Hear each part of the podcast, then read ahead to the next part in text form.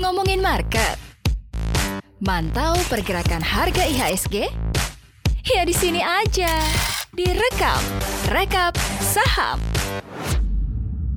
Selamat pagi calon-calon orang kaya di seluruh dunia ini. Semoga selalu sehat ya. Enggak seboh itu. Selamat hari Rabu Sobat Cuan. Rabu yang selalu menggebu dan selalu positif. Dan seperti biasa selalu ya pagi hari jam 8 pagi ada Maria Katarina yang akan menyapa Sobat Cuan dalam rekam rekap saham harian sebelum kamu-kamu semua bertransaksi saham.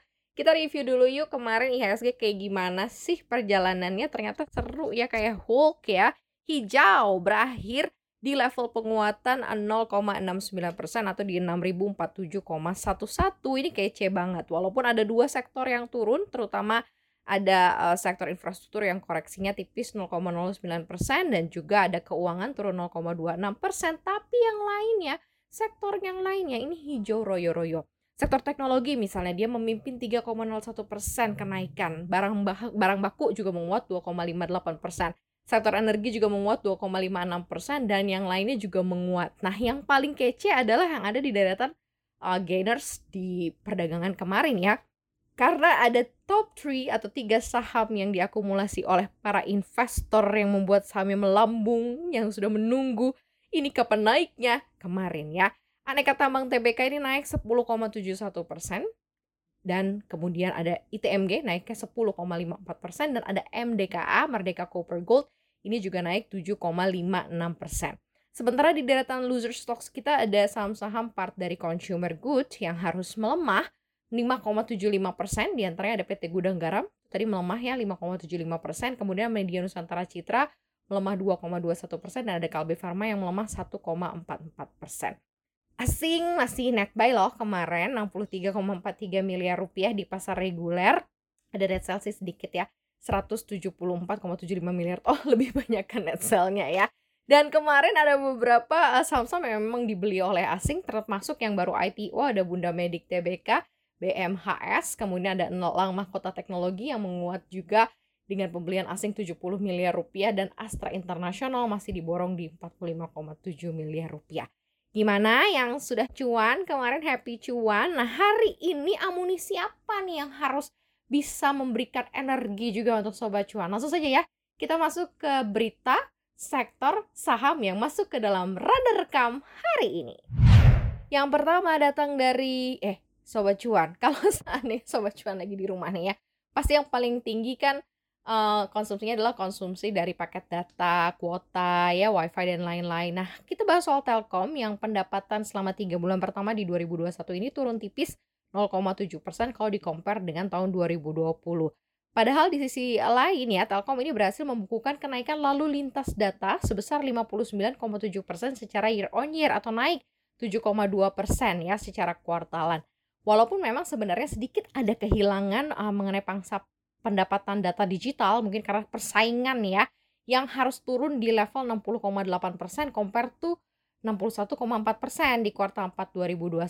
Tapi kalau dilihat dari uh, Telkom ini di kuartal 1 2021 IndiHome ini hanya mendapatkan 133.000 pelanggan baru. Padahal kan Telkom sebenarnya menargetkan sepanjang tahun ini pelanggan baru IndiHome ini bisa bertambah ya sampai ke satu juta tapi ini baru dikit banget nih kayaknya sih terbaca sih kalau saya membaca karena uh, IndiHome tidak menyi tidak menyiarkan Euro 2020 jadi ke mana nih pelanggan yang lain kayaknya sih ke TV seberang ya Nah, salah satu rendahnya dari pelanggan baru ini karena ada kebijakan juga ternyata dari Telkom yang mengharuskan pelanggan untuk membayar biaya deposit satu bulan dan berlangganan minimal harus satu tahun. Nah, ini juga memberatkan ya. Dia juga sejauh ini melihat bahwa langkah Telkomsel ini memperkuat posisinya secara jangka panjang. Ini juga sudah cukup baik. Mulai dari ada konsolidasi tiga merek prabayar ya, ada kartu A, Simpati, dan Loop. Menjadi satu merek jadi Telkomsel Prabayar. Menjadi salah satu provider yang melakukan komersialisasi 5G juga. Sampai kolaborasi kuat bersama dengan Gojek ya. Nah, saat ini kan Telkom sudah bermitra nih dengan Gojek dan juga beberapa proyek seperti integrasi Telkom, My Ads, GoBiz, onboarding mitra UMKM Gojek juga untuk menjadi reseller T-Cell dan pemasaran bersama untuk layanan games. Jadi ada futures bisnis yang bisa diperhatikan oleh sobat cuan untuk TLKM ya. Dan ya silakan sobat cuan lirik-lirik ya di watchlist untuk bisa menjadi salah satu portofolio. Next! Kabar baik selanjutnya datang dari pemerintah yang resmi merestui pembentukan BUMN Holding Ultra Mikro melalui peraturan pemerintah nomor 73 tahun 2021 tentang menambah penyertaan modal negara ke modal saham PT Bank Rakyat Indonesia BBRI. You know, you know, pasti kita mau bahas soal salah satu the big caps banks yang bakalan kecipratan keuntungan dengan adanya holding ultra mikro ini ya. Penambahan modal ini berasal dari pengalihan seluruh saham seri B milik negara kepada PT Penggadaian dan PT Permodalan Madani. Adapun penyertaan modal yang dilakukan ini sebanyak 6 eh, juta saham seri B begitu ya di Penggadaian dan 3,7 juta saham lah seri B pada Permodalan Madani ya, atau PNM. Nah, dengan pengalihan saham seri B ini ya maka negara akhirnya melakukan kontrol nih terhadap Penggadaian dan juga PNM melalui kepemilikan saham seri A Dwi Warna dengan kewenangan sebagaimana diatur dalam anggaran dasar dan penyertaan modal ini pun juga membuat BRI akhirnya menjadi pemegang saham penggadaian dan juga PNM. Nah, RUPSLB ini dilakukan berdasarkan permintaan pemegang saham seri A Dwi Warna dan dalam aksi korporasi ini BRI nantinya akan menerbitkan maksimal 28 eh, juta sekian-sekian saham seri B begitu ya dengan nilai nominalnya 50 rupiah atau 23,25 persen dari modal yang ditempatkan dan disetor penuh. Hanya saja, pemerintah akan menyetorkan bagiannya dalam bentuk non-tunai, yakni seluruh saham seri B milik pemerintah di Pegadaian dan PNM ini ditukar dengan saham baru BRI Inbrang namanya ya. Maka investor publik praktis yang akan menjadi sumber dana segar dari aksi right issue tersebut. Uh, gimana nih, ya kan?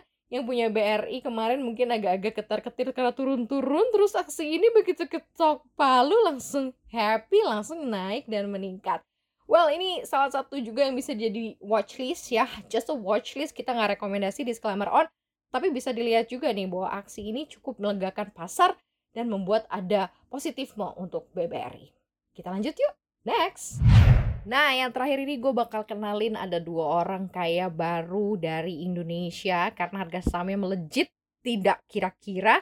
Di mana memang kalau kita lihat kondisi bisnis teknologi kan kansnya gede banget ya dan sektornya ini seksi banget pilihan utama masa depan deh nggak perlu lagi lihat per PBV semuanya pokoknya future future business gitu ya tahu ada sektor data center yang sudah membuat dua saham anyar di Bursa Efek Indonesia menjulang cuan besar sampai harga sahamnya ya tidak bisa kita pungkiri kenaikannya luar biasa ya. Ada DCI Indonesia dan Indo Internet TBK dua-duanya didirikan oleh perusahaan teknologi milik Toto Sugiri. Pengusaha teknologi itu Otto Toto Sugiri ya pasti sudah pernah dengar ya. Nah, tumbuhnya data center ini didukung juga dengan beberapa tren yang terjadi di masa depan misalnya nah, masuk dan mulai diadopsinya 5G, semakin maraknya penggunaan Internet of Things dan membutuhkan latensi rendah serta perkembangan video streaming dan juga augmented reality atau AR, AR, AR dan juga VR ya virtual reality. Nah, sebelumnya itu uh, ada DCI dan ada saudaranya nih satunya itu adalah EDGE e atau eh ya Edge ya kita sering sebut yang ditawarkan ke publik dengan harga 7.375 per saham di 8 Februari 2021. Dan masa depan cerah sepertinya yang membuat investor antusias akhirnya borong saham ini ya. Dan terlihat dari kinerja sahamnya yang juga naik 283% sejak pertama kali melantai. Jadi sudah bisa dibayangkan kalau dihitung DCII berapa keuntungannya kemudian ya EDGE eh, e ini juga sama kenaikannya luar biasa. Just cek aja deh kayak gimana. Tapi kenapa akhirnya gue menarik uh, ah, gue tertarik untuk mengangkat dua sosok ini? Yang pertama ada Toto Sugiri dan Han Arming Hanafia ya dari kepemilikan saham uh, dua saham yang fantastis kenaikannya. Jadi kalau dilihat dari sisi uh, valuasi kenaikan harganya nih dengan IPO misalnya dari EDGE ya untuk Oto Toto Sugiri ini dia punya itu sekitar 66 juta saham setara 16,56 persen dan kepemilikan ini pun juga turun dari posisi semula yang di 157 uh, juta gitu ya dan setara 38 ini agak turun posisinya. Tetapi kalau misalnya dia punya di harga 7.375 semula begitu ya saat ini valuasinya uh, yang saat sebelumnya valuasinya hanya 493 miliar sekarang kalau dihitung-hitung jadi 2,44 triliun ya atau sudah mendekati atau cuannya bisa 2 triliun gitu ya. Dan kalau kita lihat juga ternyata untuk kalau kita konsumsi sama harga penutupan kemarin aja misalnya ini juga ternyata sudah membumbungkan kenaikan yang luar biasa untuk saham milik Oto Toto Sugiri jadi keuntungannya tuh bisa dihitung-hitung potensi keuntungan Toto Sugiri dari saham EDGE ini bisa mencapai 4,57 triliun aja oke okay. Wow nah Men, uh, selain itu juga ada Han Arming Hanavia ini kepemilikannya nggak sebanyak Toto tapi cuan yang diperoleh juga uh, yang nggak bisa dikatakan kecil ya. Jadi kalau di total-total keuntungan Han Arming ini dari saham EDGE bisa mencapai 2,05 triliun. Nah, nggak banyak informasi sih sebenarnya mengenai Han Arming karena selain punya saham EDGE mengacu prospektif DCII disebutkan bahwa trio Oto Toto Sugiri, Marina Budiman dan Han Arming Hanafi ini juga merupakan pemilik uh, manfaat DCII atau Ultimate Beneficiary Owner. Jadi bisa dibayangkan ya. Sedangkan uh, kemarin eh, BEI mencatat bahwa perdagangan di hari Selasa itu harus ditutup anjlok autorije bawah ya 7% ke level 33.000 dengan kapitalisasi pasar 14 triliun. Sementara saudaranya DCI masih harus disuspend dari 17 Juli lalu ya di harga 59.000 melesat 14.000 persen dari harga IPO 6 Januari 2021 di 420 per saham. Konkret ya Pak Arming, Pak Toto, kita ngobrol yuk pak di cuap-cuap cuan kali aja kita bisa sama-sama bertukar informasi caranya cuan seperti itu ya karena sahamnya dahsyat dan beggar-beggar luar biasa Oke, okay, thank you so much Sobat Cuan udah dengerin celotehan Maria pagi hari ini. Semoga selalu indah harinya, tetap jaga kesehatan, prokes jangan lupa ya. Dan jangan lupa juga dengerin kita di uh, Spotify, Apple Podcast, Google Podcast, pastinya di cuap-cuap cuan. Follow akun Instagram kita di cuap underscore cuan. Dan juga YouTube channel kita di subscribe di cuap-cuap cuan. Jangan lupa ya kita ketemu dengan berbagai macam lini dan teknologi yang ada. Kalian harus follow pastinya. Dan untuk mendapatkan informasi lebih lengkap terkait penggede berita saham, Anda bisa langsung klik juga di www.cnbcindonesia.com. Maria Katarina pamit pagi ini. Jangan lupa sarapan ya Sobat Cuan. Sampai jumpa besok. Bye.